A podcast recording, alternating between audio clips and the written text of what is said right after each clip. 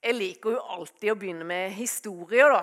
Og I dag er det jo rett og slett eh, fokus på det med sommergave til menigheten. Egentlig hadde jeg lyst til å skrive det. I dag er det Kristian og meg som skal tale sammen. For det er jo egentlig det, Kristian. Han skal på her etter hvert. Det er det. Men jeg begynner med en liten historie. Det var rett og slett en mamma, nei, en bestemor, mener jeg, som ga 100 kroner til barnebarnet sitt. Og for, et, for et lite barn å få 100 kroner, det er jo ganske stas. Det er liksom mye penger. Og det var jo med en gang vet du der. Ja, de skal jeg kjøpe godteri for! Det var jo liksom, Hun så bare for seg hvor mye godteri hun kunne få for den hundrelappen.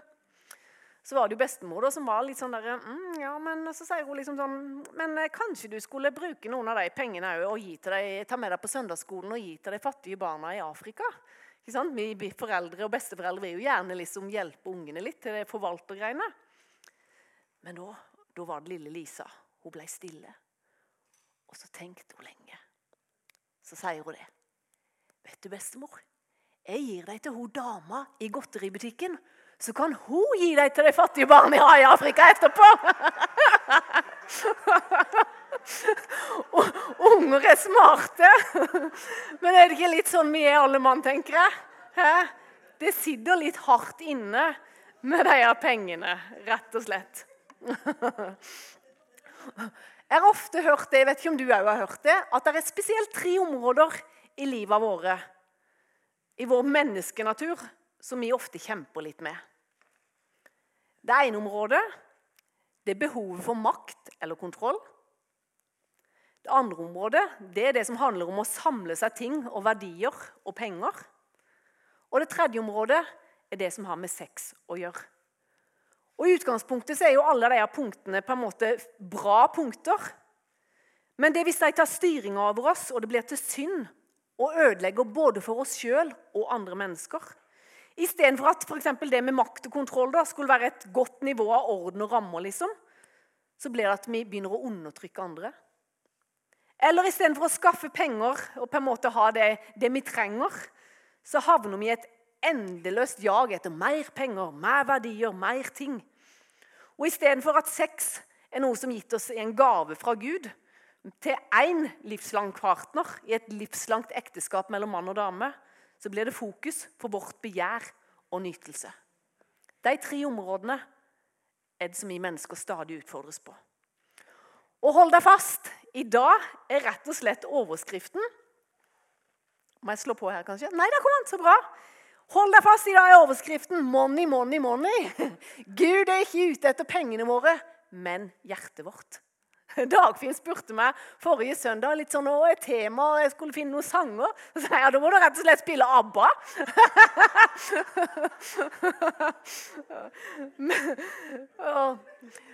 Du som sier at vi snakker mye om penger i Froland misjonskirke, at vi taler mye over det, da kan jeg si det at, uh, informere deg om at forrige gang vi snakka om penger, det var i juni i fjor.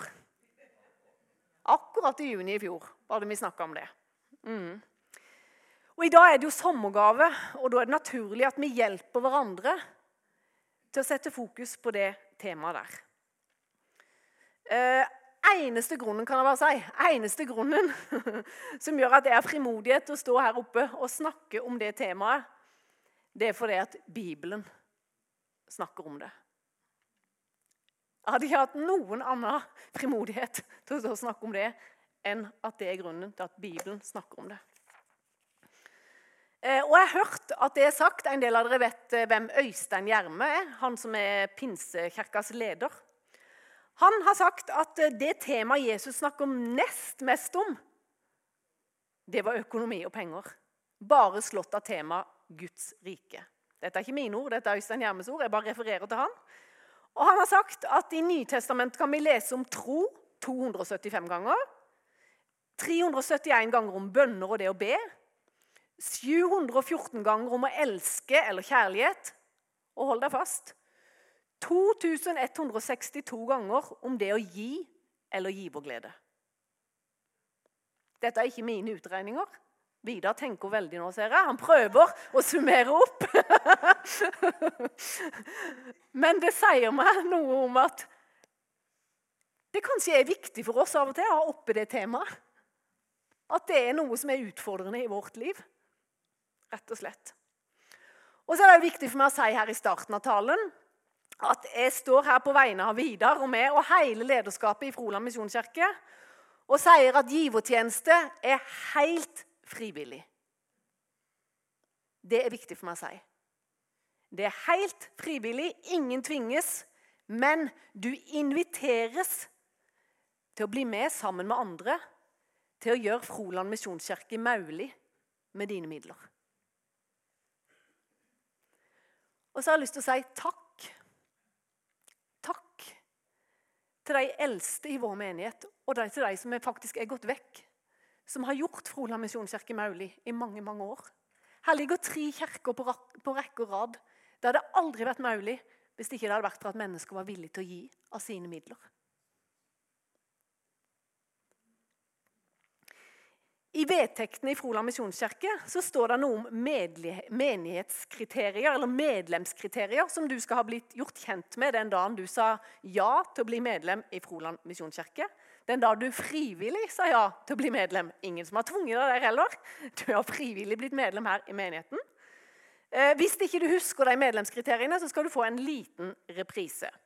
Bare viktig for meg å si at sant, Vi kjører jo to protokoller. Misjonskirka Norge der er det ingen kriterier for å bli medlem. Det kan hvem som helst bli medlem. Om du tror eller ikke tror, så kan du bli medlem i Misjonskirka Norge.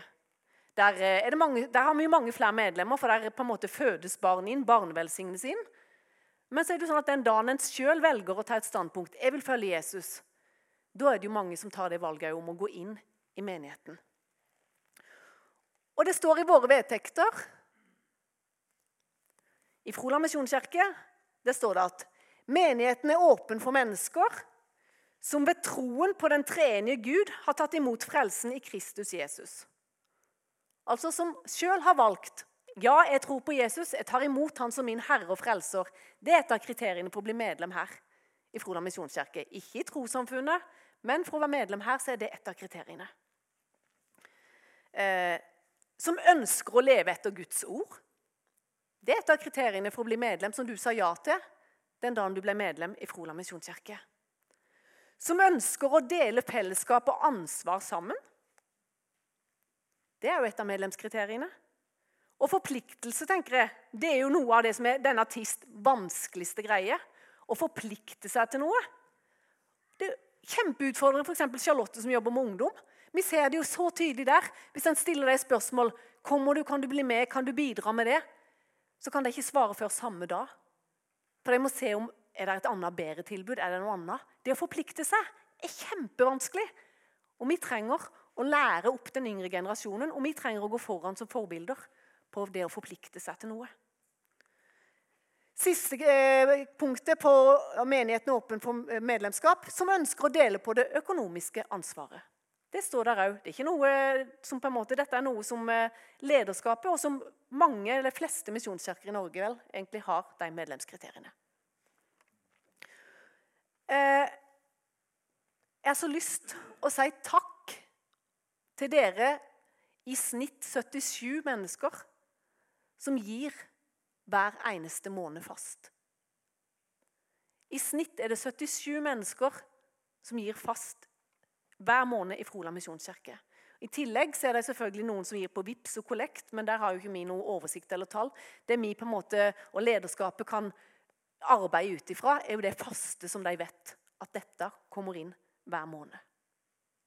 Det er det som er på fast givertjeneste. Så tenker Jeg jeg liker sjøl å tro at ja, jeg er raus, jeg er en giver, at jeg forvalter pengene jeg tjener på en god måte. Men jeg kan like godt innrømme det med en gang. Ja, jeg er egoistisk, og ja, jeg er materialistisk. Jeg kan like godt innrømme det med en gang. Hvis vi alle er helt ærlige, så tror jeg at det ligger i oss mennesker å tenke på oss sjøl. Og jeg tror faren er vi må ikke tro at vi er så sterke at vi er immune mot fristelser. Den dagen jeg begynner å tenke det, nei, dette er ikke noe problem for meg, jeg klarer dette her, dette er ikke noe vanskelig, da tror jeg virkelig jeg trenger å vende meg om og be om et ydmykt hjerte igjen. Og så er det ikke det at det er noe galt i å kjøpe nye ting eller eie ting eller være rik. Det er ikke noe galt i det. Spørsmålet er heller åssen. Åssen forvalter jeg alt det som er betrodd meg? Åssen forvalter jeg det? Hvorfor står det egentlig så mye om penger og mammon i Bibelen? Kan det tenkes at Jesus visste at dette her, det ville utfordre oss litt? At eh, I forhold til dette med penger, og at Gud er vår forsørger, og at eh, Guds rike har noen prinsipper som kanskje ikke vi alltid skjønner med våre hoder, så vil det bli litt utfordrende og vanskelig for oss mennesker. Trenger Gud egentlig pengene våre? Jeg tror jo i utgangspunktet ikke det. Han kan jo skape alt av ingenting. Men jeg tror vi trenger det. Jeg tror vi trenger det for å beskytte oss mot egoisme og skal ha, skal ha, skal ha. Gud inviterer oss med til å bygge hans rike i denne verden i dag. Med, med våre liv, med våre gaver, med vår tid, og òg faktisk med våre penger. Og så stiller jeg jo spørsmålet hva har vi egentlig som ikke vi har fått? Egentlig er jo alt det vi eier og har, det er jo Gud sitt. Vi har jo fått det av ham. Og så har han satt oss som forvaltere til å råde over det vi er gitt. Han har jo gitt oss, han har jo vanvittig tillit til oss. Han har jo egentlig det. Han har tillit til at du skal forvalte det du er betrodd. Hva er det du er gitt? Hva er det du eier? Hva er det du tjener? Og åssen forvalter du det? Det ble jo egentlig spørsmålet. Kanskje Kommer du til å bli provosert etter hvert nå? Det kan hende. Da rømmer jeg inn i det buret der. Så hvis du begynner å kaste tomater, så går jeg inn i det buret der, så bare fortsetter jeg nå i dag. Men jeg snakker like mye til meg sjøl i dag. Det er i hvert fall helt sikkert. Og jeg sa det til, det var vel til Bardi og Trond jeg sa det i stad på bønnemøtet. Hadde, hadde, noen sagt til meg for ti år siden at eh, jeg, skal, du skal stå og tale om penger i Froland misjonskirke Da hadde jeg ledd garantert ledd like høyt som Sara når hun fikk greie på at hun skulle bli gravid. liksom. Det, ja, det er liksom bare helt vilt. Men det er kun av Guds nåde og pga. Guds ord at jeg tør å stå og snakke om det. Rett og slett. Jeg tror det utfordrer oss alle litt. Jeg syns det er så bra det de sier i Imi-kirka i Stavanger. Gud er ikke ute etter pengene våre, men etter hjertene våre. Det tar de fra Matteus 6, 19-24. Det å gi raust hjelper oss, sånn at vi ikke blir bundet av penger. Og det gjør det lettere å stole på Gud, samt gi rom for at pengene våre kan ha evig betydning. Jeg syns det er godt sagt. Bibelen snakker noe om å ha rett fokus, og nå kommer jeg til Matteus 6. Der står det Bruk ikke livet til å samle skatter her nede på jorda, hvor ting blir gamle, møllspiste og rustne, og du kan bli frastjålet alt du har. Det er mye bedre at du samler deg skatter i himmelen, hvor det verken er møll, rust eller tyver som stjeler. Husk at der du velger å samle skattene dine, der vil òg oppmerksomheten, interessen og kjærligheten din være. Det er ganske radikale ord, det siste. Oppmerksomheten, interessen og kjærligheten. Den vil være der vi samler våre skatter.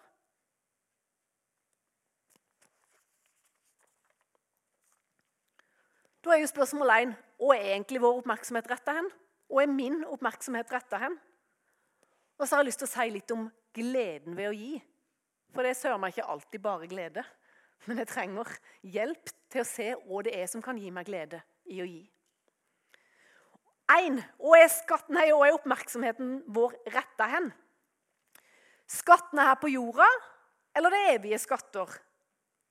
Litt etter det avsnittet der så sier Jesus søk litt ut i rekka Guds rike. Nei, det er bra, du er vågen. Det er bra.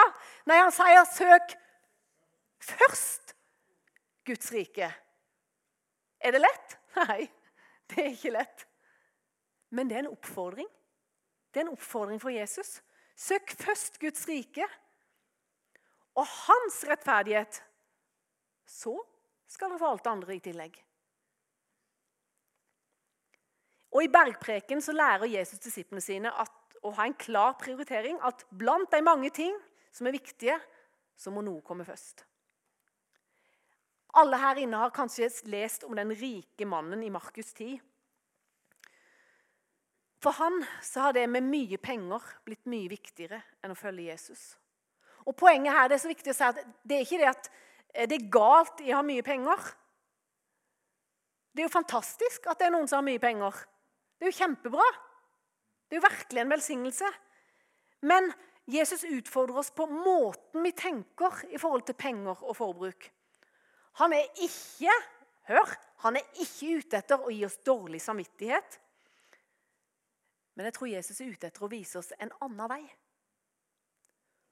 For vår oppgave er å forvalte de pengene vi har fått, på en god måte som gagner både oss sjøl, men ikke minst andre mennesker og Guds rike, vår neste.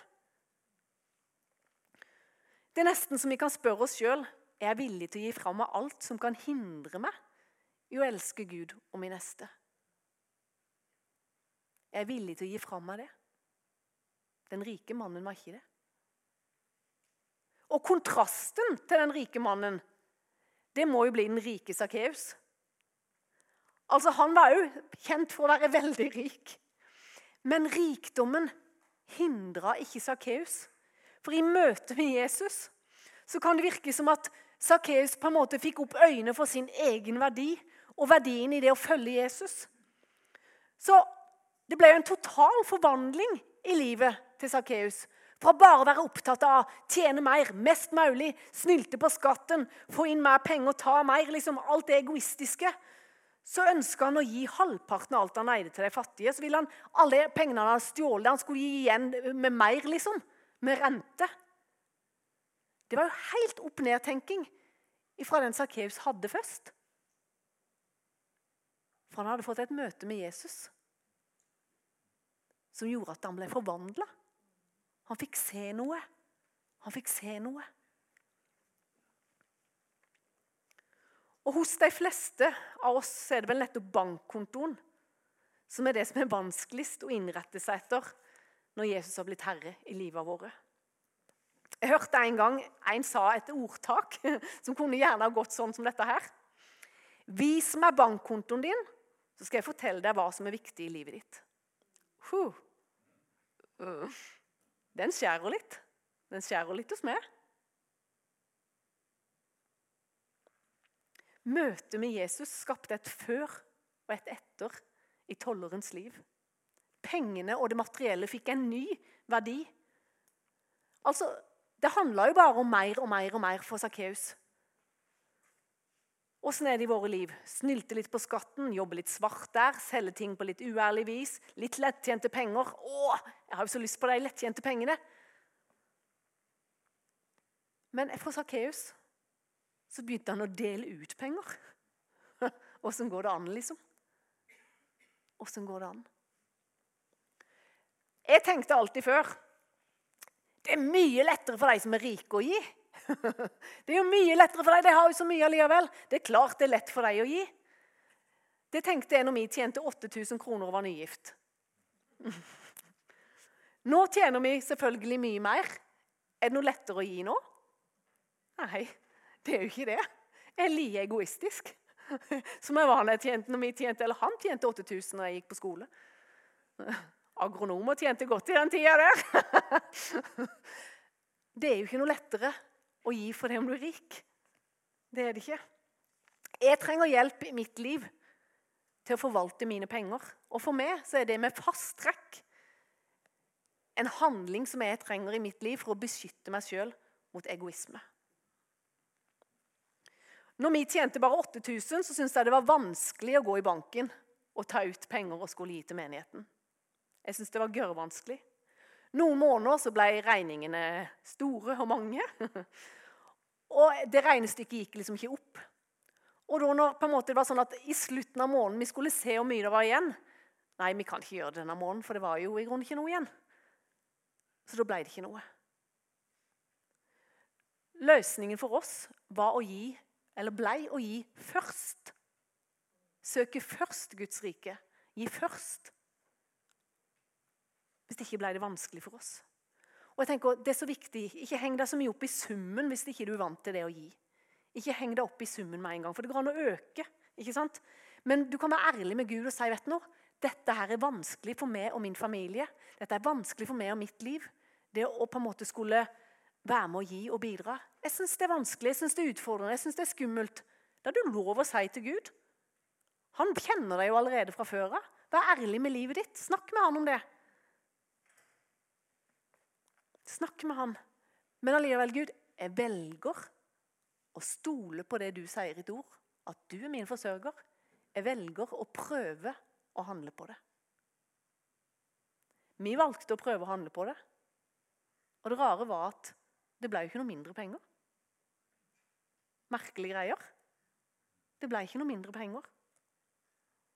Skulle jeg ha handla ut ifra den måneden vi har vært igjennom akkurat nå, at jeg skulle ha gått i banken og tatt ut penger, så skal jeg love deg at uh, selv om jeg står her som pastor, så tror jeg det har vært fryktelig vanskelig. For Det kom en tannlegeregning på 20 000, og så var det 7000 av spyling av noen borehull. Og så var det en vedmaskin som gikk i stykker, og så var det varmtvannsberederen som røyk. Og så gikk bilen i nødmodus, for, nødmodus forrige uke, og så var det noen på skatten. Dette sier jeg ikke for at noen skal stå sin synd på oss. Jeg sier det fordi det er lie forbaska vanskelig for en pastor å gå i. Hadde jeg hatt fasttrekk, så hadde det vært vanskelig. Det vært vanskelig å gi denne måneden her. Så ærlig kan jeg være. Jeg trenger det i mitt liv. Hvis ikke så vet jeg at det hadde blitt fryktelig vanskelig. Oppmerksomheten min mot de himmelske skattene de trenger jeg hjelp til. Jeg trenger å bygge gode vaner i livet mitt for at jeg skal handle på det og gjøre etter det. Jeg trenger vaner som hjelper meg i den retningen. Gleden ved å gi, da. Det Bibelen utfordrer oss til, er jo å bli Jesus-sentrert istedenfor sjølsentrert. Og Da tror jeg det kan ses som en øvelse i praktisk tjeneste, det å gi. For det hjelper oss og beskytter oss mot sjølopptatthet. Og Troen krever av og til òg litt handling. Det snakka vi om når vi hadde fokus på Bibelen og Guds ord som øverste autoritet i livet våre. Det å være en troens gjører, og ikke bare en troens hører. Altså, Vi blir absolutt ikke frelst av handlingene våre. Det er viktig. Vi blir ikke frelst av handlingene våre. Men handlingene våre kan på en måte vise at jeg mener alvor. Jeg mener alvor i livet mitt, Jesus, med å følge du. På alle områder i livet mitt. Ja, det koster, og det er skummelt, men jeg velger å handle. For jeg vil følge deg, Jesus. Jeg vil ikke ha en tro uten gjerninger. Og Det innebærer òg, tror jeg, at gleden ved å gi Da trenger vi helt tydelig og stadig komme tilbake. Hva er det vi holder på med? Hvorfor feirer vi gudstjenester? Hvorfor bygger vi menighet? Hvorfor vi holder vi på med det vi gjør? Jo, fordi Jesus han døde og sto opp igjen. Jesus ga sitt liv for din skyld. Jesus han er den vi følger etter, han er den vi tror på, han er den vi bygger våre liv på. Han er det som har vunnet seieren for oss. Han er den vi følger etter, bare pga. det han har gjort. Han var villig til å gjøre alt for deg. Han var villig til å gå i døden for deg. Og jeg er du villig til å gjøre som en takknemlighet tilbake for ham. En takk tilbake med ham. Med handling som vi sier at 'Jeg mener alvor, Jesus. Du har gjort alt for meg. Jeg vil gi mitt liv tilbake som en takk for alt det du har gjort, Jesus.' Jeg tror bare det med å se på ny og på ny den kjærligheten som Jesus har vist oss, hvem han er, og han har gjort, og han har fridd oss og frelst oss fra, det handler aldri om følelsen av dårlig samvittighet som skaper gleden med å gi. Det er viktig for meg å si. Men jeg trenger stadig å løfte blikket og se det Jesus har gjort for meg. Forkynneren 5.9. Den som er glad i penger, blir aldri mett på penger. Den som elsker rikdom, får aldri nok. Hebreerbrevet 13,5. La ikke kjærlighet til penger styre livet ditt, men nøy dere med det dere har. For Gud har sagt, 'Jeg svikter deg ikke og forlater deg ikke'. Det er ikke våre henders verk og vår egen kraft og styrke som gjør oss rike. Nei, Gud er den eneste sanne kilde til liv og rikdom. Det er Gud som har skaffa deg alt du eier og har. Derfor vil han ikke at vi skal sette vår lit til penger og la dem styre livet vårt. Men han ønsker å bli invitert inn på alle områder i livet vårt. Han er det som ønsker å være vår forsørger. Vi er jo i Korinterbrevet for tida i eh, menigheten. Og Der står det faktisk ganske mye om eh, penger og pengegaver og det å, å være en giver. Eh, I kapittel 8 så skryter Paulus av en menighet som han sier at eh, de ga seg sjøl først til Herren og så til oss. Den rekkefølgen den tror jeg er viktig når en er med i et fellesskap og tilhører et fellesskap. F.eks. en menighet. Derfor sier Paulus først til Herren Fundamentet vårt kan jo ikke være mennesker. Vi kan ikke gi oss til menneskene først. Vi å gi oss til Jesus først. Se hva han har gjort. Se hva han har gjort. At det er kun derfor vi kan ha menighet. Det er kun derfor vi lever, er skapt og er til. For det er han. Det han har gjort. Så i neste omgang gi seg til fellesskapet. Og det er viktig at Bibelen sier jo ingenting om at ja, Jesus han er bra, han er suveren, han er perfekt, men kirka er håpløs. Det står ikke noe om det i min bibel i hvert fall. Det gjør ikke det. Ingen menighet er perfekt. Det er i hvert fall helt sikkert. Ikke Froland misjonskirke heller. Den er ikke perfekt. Nei, perfekt blir det bare i himmelen, dere. For en menighet består av mennesker, og vi er ikke perfekte. Nei, det er viktig. Ingen pastor er perfekt, og ingen mennesker er perfekte. Men vi samles om en perfekt Jesus. Han er det vi samles om. Han er det vi samles om. Derfor så tenkte jeg vi må hjelpe oss. Gud gi oss hjelp til å vokte vår tunge. Og til å gi oss både til Jesus og til fellesskapet. Med både ord, handlinger og med økonomien vår. Det er det Bibelen snakker om. Videre i vers 8 så sier Paulus Jeg tar det fra eh, Hverdagsbibelen. Han snakker om en menighet i Makedonia. Så sier han jeg forteller ikke om menigheten i Makedonia for at dere skal kjenne dere pressa til å gjøre det samme, altså være med å gi. Men jeg viser til andres iver for at dere skal se åssen kjærligheten virker. Åssen er det med ektheten i kjærligheten deres, sier Paulus. Dere vet jo åssen vår Herre Jesu kjærlighet og nåde ble synlig blant oss. Jesus han var rik, men så ble han fattig for vår skyld. Jesus ga avkall på sin rikdom for at vi skulle få del i Guds rikdom. Og her, Det Paulus gjør her, i de versene der, det er han gjør det samme som han gjør i kapittel 6 litt tidligere, når han oppfordrer til å bli med og gi. Og Istedenfor å på en måte legge på bud og regler og gjøre sånn, og buda sier det, og loven sier sånn, liksom, Istedenfor det så minner han om deres posisjon i Jesus. Han sier det ikke som en befaling, men han prøver ektheten i deres kjærlighet, sier han, ved å vise til andres iver. Giverglede, raushet, det er ikke basert på lydighet mot lov eller bud. Du skal, du skal, du skal. Nei, men mot den kjærligheten som våre hjerter er fylt av med Den hellige ånd. Overgivelse til Jesus. Det at vi ser at Jesus har gjort alt for oss. Det vi ser at han var villig til å gå i døden for oss. Det at vi ser stadig Golgata på ny. Og det gjør at dette må andre få tak i. Jeg vil være med Jesus med mine midler, med min tid, med mine gaver. Og bygge ditt rike her på jorda med det jeg har å forvalte. Jesus, jeg vil at andre skal få bli kjent med du.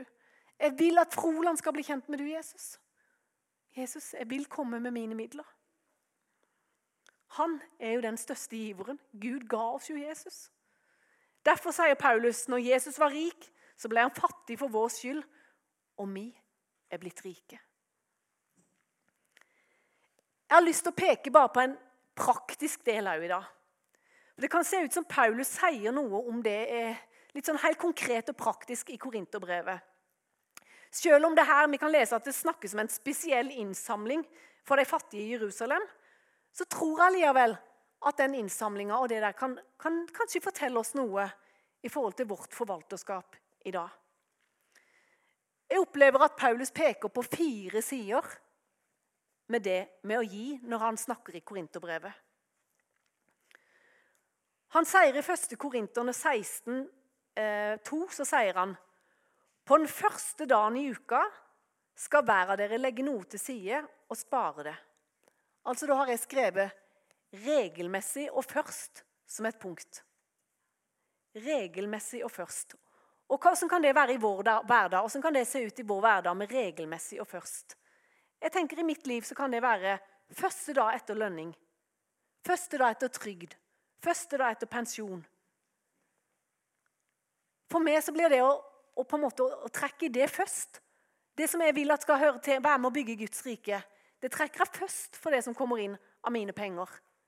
Når vi valgte å gjøre det sist, så ble det vanskelig. Det var ikke alltid vi gjorde det. For det ble så mye vanskeligere. Men her snakker Paulus om regelmessig og først. Det å vente til slutten av måneden for å se om det er noe igjen, det er ikke alltid det letteste eller lureste.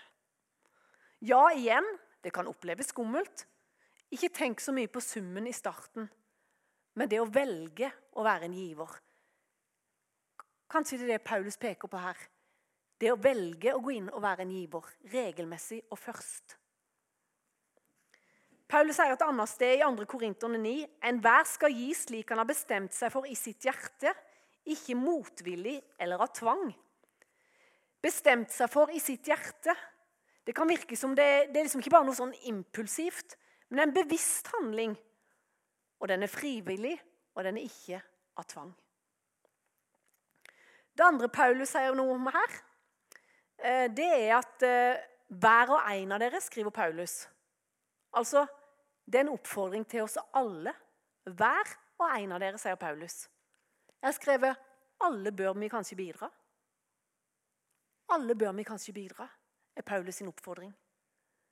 Det nye testamentet opererer jo ikke med en fast prosentsats, men oppfordrer oss til enhver tid å bruke gavekapasiteten vår. Det betyr at kanskje i noen måneder kan vi gi langt mer enn 10% mens i andre måneder kan det se annerledes ut i økonomien vår. Men i summen tenker jeg at det viktigste, det viktigste er at jeg tror at det er bare én medisin mot vår egoisme, og det å gi. Det er en konkret handling mot vår, oss menneskers egoisme. Punkt nummer tre har jeg skrevet 'planlagt givertjeneste forvalteransvar'. Paulus snakker her i, i det verset jeg refererte til. Han skrev 'legge til side'. Jeg sa det i stad, men det er lett for oss å tenke at vi skal gi av det som på en måte blir til overs, eller det som er igjen. Men Bibelen kaller oss til å prioritere gavene like høyt som andre behov.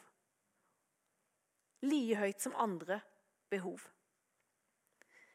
Jeg har kort lyst til å si noe om raushet.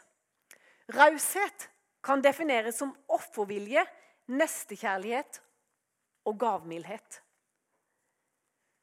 Jeg tror at raushet det er jo en livsstil. Og jeg tror vi trenger valg for å komme oss dit til at vi på en måte skal leve et liv i raushet. Kanskje er det, det derfor Paulus skriver 'legg til side'. Altså Vi trenger å gjøre noen valg på hvordan vi skal forvalte våre penger. Er penger farlig?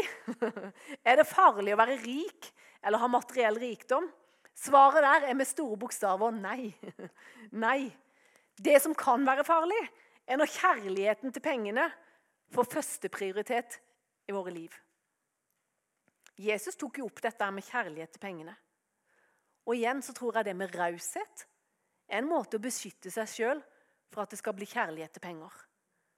Raushet minsker kjærligheten til penger fordi at andre mennesker og Guds rikes framgang det blir viktigere for oss enn bare å samle til oss sjøl.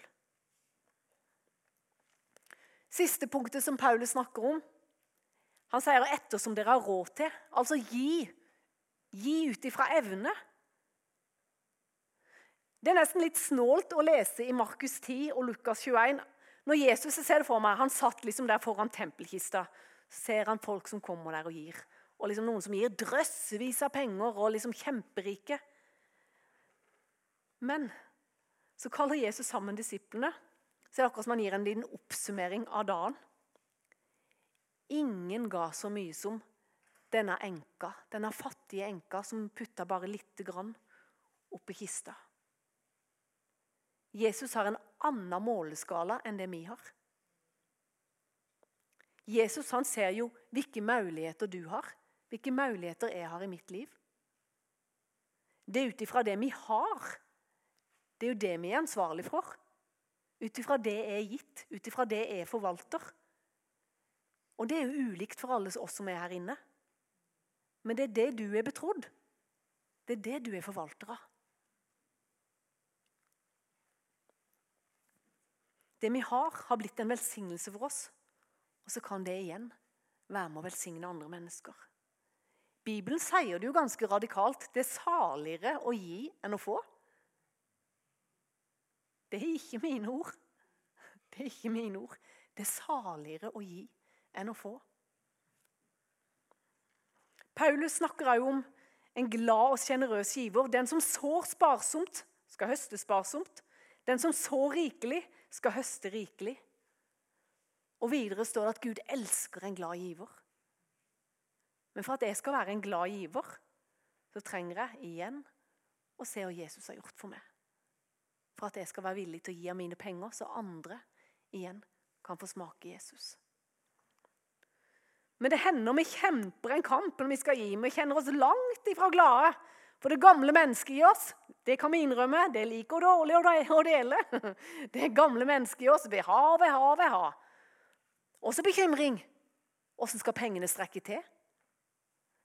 Åssen skal 8000 kroner klare å eh, dekke både bil og, og hus og mat? Det var en bekymring. Det var en stor bekymring. Enda større for mannen, kanskje. Enkas gave viser at hun ga seg helt over i Guds hender med sitt liv. Hun ga kanskje i mange menneskers øyne lite, men hun hadde jo ikke mer. Hun hadde lite, så hun ga på en måte hele sitt liv i Guds hender. Det som hun sa, Gud, jeg har tillit til at du er min forvalter. Jeg har tillit til at du er min forsørger, mener jeg. Jeg har tillit til at du elsker meg. Jeg har tillit til at du vil forsørge meg. Jeg har tillit til at du vil hjelpe meg. Jeg har tillit til at du er Gud i mitt liv gjennom alle tider. Hun ga av det lille hun hadde. Det er et mektig vers i Korinterne 9. Gud er mektig til å la all nåde komme til dere i overflod, så dere alltid og i alle forhold skal ha nok av alt som trengs. Og hør og kan ha overflod til all god gjerning. Det er voldsomme vers. Korinterne kan ha vært bekymra for å gi pga. usikkerhet for framtida. Det kan du og meg òg være. Det er klart, tida vi lever i nå, strømpriser, matpriser, alt øker jo bare. Det er klart vi kjenner på det. Vi kjenner på det. Paulus bekrefter at Gud er deres forsørger. Givertjeneste handler ikke bare om de pengene vi gir, men like mye om at vi skal få lov å vokse i tilliten til hvem Gud sier at han er tilliten til hvem Gud sier at han ønsker å være i ditt og mitt liv. Han som har satt oss i denne verden, han som har omsorg for oss, han som har gitt oss et forvalteransvar òg for vår økonomi. Og igjen alt er frivillig. Jeg står ikke her og sier at du skal gi, men jeg tror Gud inviterer oss inn på alle områder i livet våre. Der han får være Gud og Herre. Der han òg får være Gud og Herre til å vise at han er langt mer enn det vi kan fatte og forstå. Det kan virke som at det fins prinsipp som Gud har lagt ned i sitt ord og i sitt skaperverk. At hvis de av oss som har sagt ja til Jesus og vil følge han, vil bidra med våre ressurser, med vår tid og våre gaver, så skal det være nok av det som trengs, og overflod til all god gjerning, står det jo i dette verset. Det kan virke som det er noen prinsipper i Guds rike. For jeg ser for meg at Gud han har et lagerhus i verden i dag. Og det er hans menighet, hans kirke. Og vi i Froland misjonskirke vi ønsker å være med på det Gud gjør i verden og i Froland i dag. Og Personlig så drømmer jeg om enda mer enn det vi er med i i menigheten nå. Enda mer. Jeg drømmer enda mer om at vi skal få lov å være en utstrakt hånd til bygda vår. Fantastisk det Katrine sier, 22 matkasser skal deles ut. Men vi stopper ikke der og så klapper vi oss på skuldra så sier vi så flinke vi er. Nei, det er enda mer. Jeg tror Gud vil åpne enda større dører for oss. Der vi skal få lov å velsigne mennesker. Velsigne mennesker i vår bygd. Med våre midler. Gud vil åpne dører hvis vi velger å gi. Men det er jo aldri sånn at, at alt ligger på en måte klart med en gang. Men Gud ser. Vil dere være med? Han inviterer oss. Vil dere være med på det jeg gjør i denne verden? i Froland, så tror han vil åpne dører for oss. Og det er jo sånn Det gjør noe med mennesker når de opplever godhet. Nye spørsmål begynner å stilles. Hvem er denne Jesus? Betyr denne Jesus så mye for deg i Froland misjonskirke at de er villig til å bruke penger på å gi mat til oss? Det begynner å stilles noen spørsmål. Hvem er denne Jesus? Godhet berører mennesker. Som menighet så drømmer jeg om at vi enda mer skal satse på generasjonen som kommer etter oss. Ungdommene. Vi trenger at ungdommene i Froland får møte Jesus. dere. Vi trenger det. Vi trenger det vi må gi av våre midler og vår tid og våre gaver for at vi skal få ledere som kan investere og bruke tid med ungdommene våre. Gå veien med dem, bruke tid med dem, trosopplæring for ungdom. La dem komme til tro. Og så kan vi ikke bare la dem stå der når de kommer til tro. Vi må gå hele veien med dem. Jeg tror at Gud har enda mer for oss på de områdene der òg, hvis vi er villige til å være med og gi av våre midler. Det står, det står jo Gud er mektig til å la all nåde komme til dere i overflod, så dere alltid og i alle forhold skal ha nok av alt som trengs, og ha overflod til all god gjerning.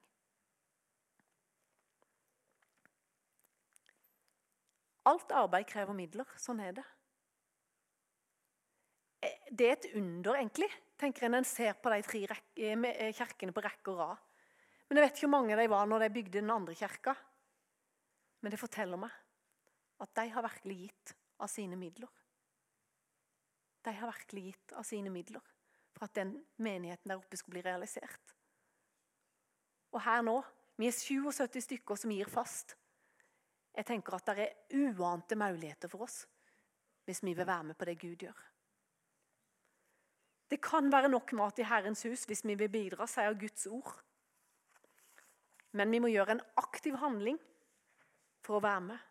Ja, vi kan sitte og be til vi blir blå i ansiktet, og det tror jeg vi skal gjøre. Vi skal be, og vi er nødt til å be, for bønn gjør noe med oss. Men vi kan be så lenge vi vil hvis ikke vi handler. Nå er jeg ganske radikal og tydelig her, og jeg snakker til meg sjøl òg. Jeg skjærer kanskje litt i kveld.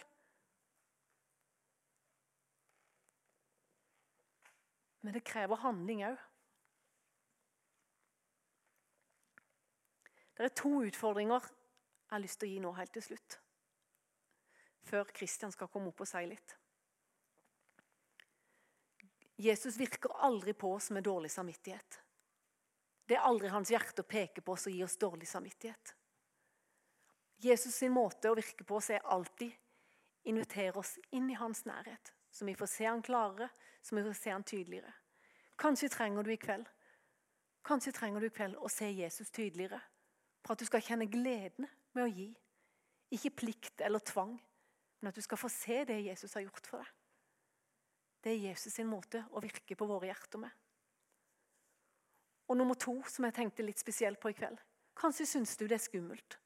Kanskje syns du det er skummelt med det her, for det, det, går jo ikke. Jeg har jo ikke økonomi til det. Det går jo egentlig ikke. Jeg har vært der sjøl. Vi har vært der. Det går jo egentlig ikke. Men jeg tror Jesus jeg tror Jesus ønsker å vise deg noe. At hans rike er annerledes. Og husk, det handler ikke om summen du begynner å gi. Ikke heng deg opp i det, men ta heller et valg på. Ja, jeg ønsker. Jeg ønsker med mine midler å være med å gi. Det handler ikke først og fremst om hvor mye, men det handler om at hjertet ditt begynner å gå på en vei. Det handler om at hjertet ditt begynner å gå på en vei. Dagfinn, kan du sette deg og spille litt? Så lukker vi bare alle øyene. Vi lukker alle øyene.